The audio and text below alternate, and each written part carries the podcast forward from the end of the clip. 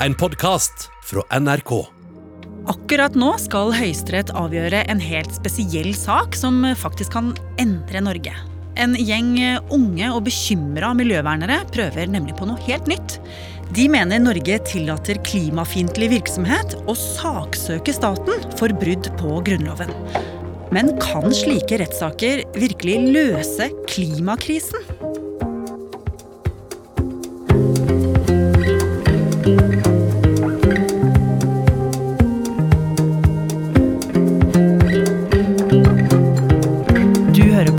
Oppdatert. Jeg heter Ragna Nordenborg. Akkurat nå sitter dommerne i Høyesterett og skal avgjøre en helt unik sak. Og det de kommer frem til der, kan få store konsekvenser for oss alle. Milana Knesevic er journalist her i NRK Nyheter og følger klimarettssaken. De som har saksøkt staten, er Natur og Ungdom og Greenpeace med støtte fra eh, Besteforeldrenes klimaaksjon og Naturvernforbundet. Og det dette søksmålet går ut på, er at de vil stoppe oljeutvinning i Barentshavet med Grunnloven i hånd. Fordi at eh, Grunnlovens paragraf 112, det som kalles miljøparagrafen, sier at enhver har rett på et miljø som sikrer helsen, også fremtidige generasjoner, og at staten har et ansvar for å sikre dette. Ok, så i Grunnloven så står det at vi har rett til å bo i et land som ikke er ødelagt av klimaendringer. Ja, det er det det står, men akkurat hva som ligger i det, er det Høyesterett skal finne ut av nå. Og det er jo ikke bare norsk høyesterett som skal finne ut av denne type spørsmål. 21 young people ages 11 to 22 are suing the federal government for failing to fight global warming. They first filed a suit in 2015 against the Obama administration, and ever since, the group has survived a series of hurdles. De siste åra så har det jo vært en bølge av klima- og miljøsøksmål mot stater og selskaper over hele verden. Ja, og eh, folka bak disse søksmålene følger nøye med på hverandre, for at hvordan det går i en sak i ett land, kan påvirke hvordan det går i saker i andre land.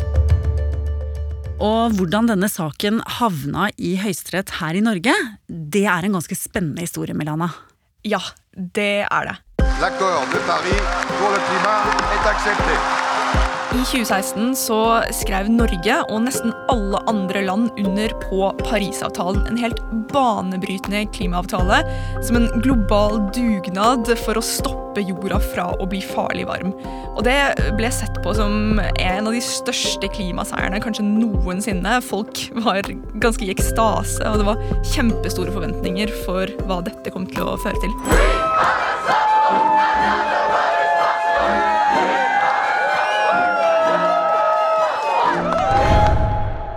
Men nesten akkurat samtidig så skjer det noe ganske annet her hjemme i Norge.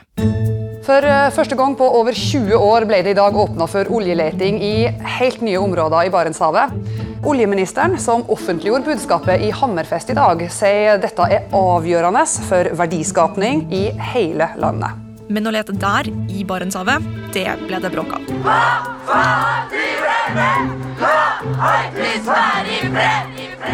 For iallfall deler av dette området mener miljøorganisasjoner og fagfolk er sårbart for menneskelig aktivitet. Og skulle det skje en eh, oljeulykke, så kan det få store konsekvenser for natur og dyreliv. Men det var ikke bare det. Det aller viktigste for miljøorganisasjonene er jo at de mente at vi allerede hadde funnet mer olje enn vi noensinne kan brenne om vi skal greie å holde oss innenfor målene i Parisavtalen. Altså de målene som er satt for å unngå at kloden blir farlig varm. Det er et så stort overgrep mot verdens klima å fortsette å dele ut nye oljefelt når verden allerede har funnet mer olje, kull og gass enn verdens klima tåler. Og miljøorganisasjonene de protesterte jo heftig, men de ble jo ikke hørt. Nei, de ble ikke det. Og det tvinger dem til å tenke helt nytt. I 2014, altså to år tidligere, hadde jo Norge fått uh, endra på Grunnloven, og vi fikk denne nye miljøparagrafen. Altså denne loven som sier at vi har rett til et miljø som sikrer helsa. Mm.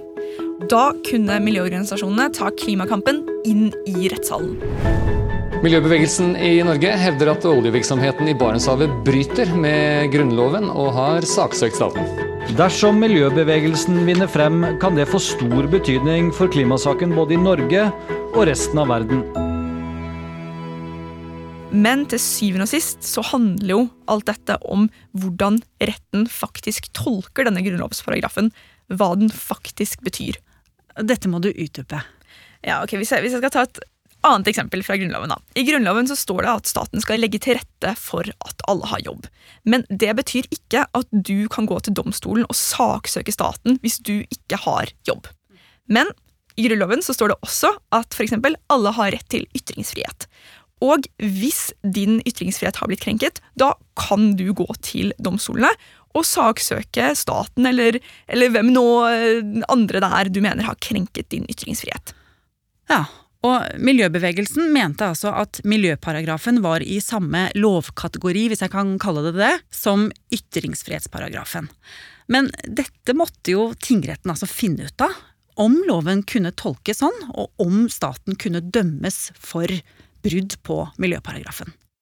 Ja, det var det domstolene nå skulle finne ut av.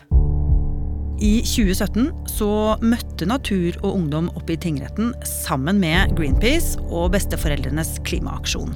De hadde altså gått til søksmål mot staten, og advokatene deres mente at de med grunnlov i hånd kunne stanse den nye tildelingen i Barentshavet. På den andre siden så satt jo da staten sjøl.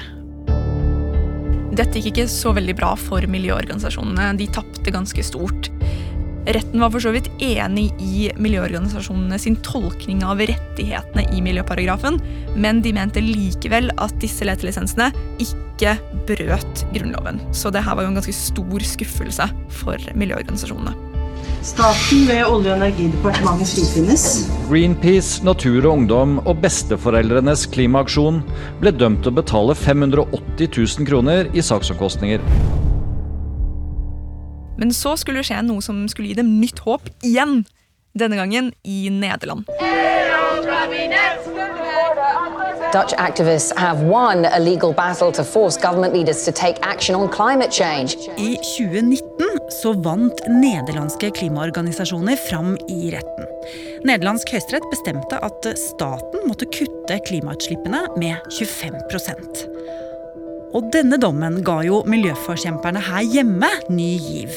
Og Natur og Ungdom og de andre saksøkerne anket sin sak til lagmannsretten. Og Milana, hvordan gikk det i runde to? Organisasjonene tapte igjen, da. Men denne gangen så fikk de en seier på det som de ser på som et ganske viktig punkt. Fordi dommen fra lagmannsretten sier at Norge også har ansvar for utslippene som kommer fra olja vi selger til andre land. Dette her er helt nytt at en domstol sier det, og det mener organisasjonene er et skritt mot seier, et skritt i riktig retning. Og det gir dem pågangsmot til å prøve en siste gang. Høyesterett mente faktisk at dette var en viktig prinsipiell sak, og bestemte seg for å se på den. Høyesterett i plenum skal i dag behandle sivil ankesak, hvor de ankende parter er Natur og Ungdom og Foreningen Greenpeace Norden. Ankemotparten er staten ved Olje- og energidepartementet. Og Milana, du følger jo med på denne saken. Hva er det som utspiller seg? Dette her er jo en historisk rettssak. Det er første gangen uh, miljøparagrafen blir vurdert av Høyesterett. Og man merker at det er en spent stemning uh, i salen. Det er mye som, er på, som, står på spill for begge sider her. Uh, staten har jo hele tiden ment at dette her ikke hører hjemme i retten i det hele tatt. Dette her er en politisk sak som uh, skal avgjøres av folkevalgte politikere. Men på den andre side så har du da Natur Ungdom. Jeg snakka med lederen Therese Hugsmyr Woie, som er helt uenig i dette. Hun mener at domstolene har en rolle å spille i klimasaken. Vi ble jo litt sånn latterliggjort for at vi skulle plutselig inn i rettssalen og flotte oss. Mens etter to runder, og man har skjønt alvoret, det kan ha store konsekvenser for hvordan politikk Norge kan føre, denne saken har versert i det norske rettssystemet i flere år nå, og en mulig dom kommer før jul. Og Milana, hvis Natur og Ungdom ikke vinner frem i Høyesterett, hva gjør de da?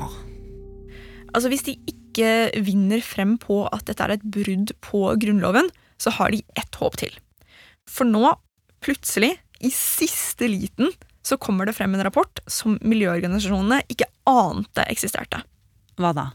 Altså, Vi må gå litt tilbake i tid. Den gangen politikerne skulle bestemme seg for om de skulle åpne opp eh, for disse eh, oljelisensene i Barentshavet, så ville de jo vite om dette her var verdt det.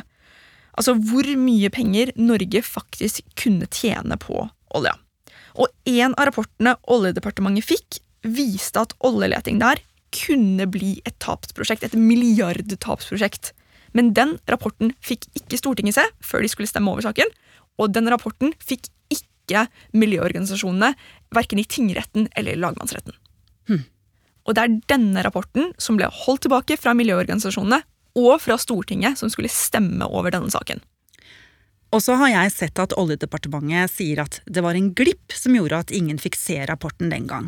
Og daværende oljeminister Ola Borten Moe sier han ikke tror den ville ha endret på noen beslutninger hvis de hadde fått sett den.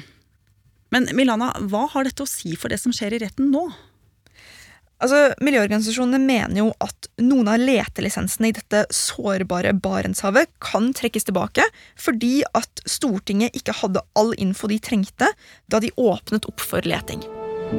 Men det er jo ikke staten enig i.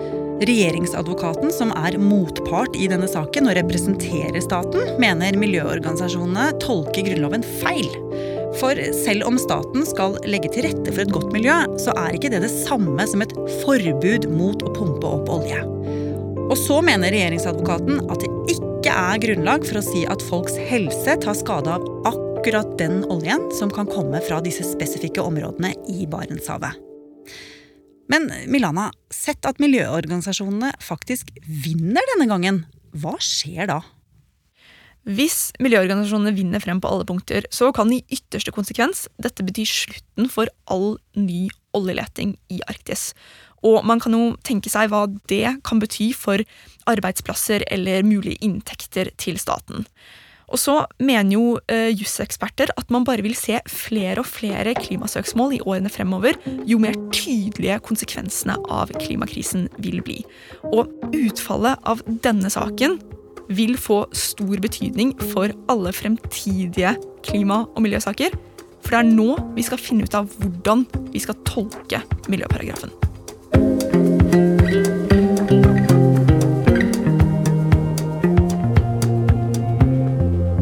Har du lyst til å bli fast lytter av oss i Oppdatert og få påminnelse om nye episoder, så er det bare å abonnere på oss i NRK radioappen. Og så er det veldig hyggelig hvis du vil anbefale oss til en venn.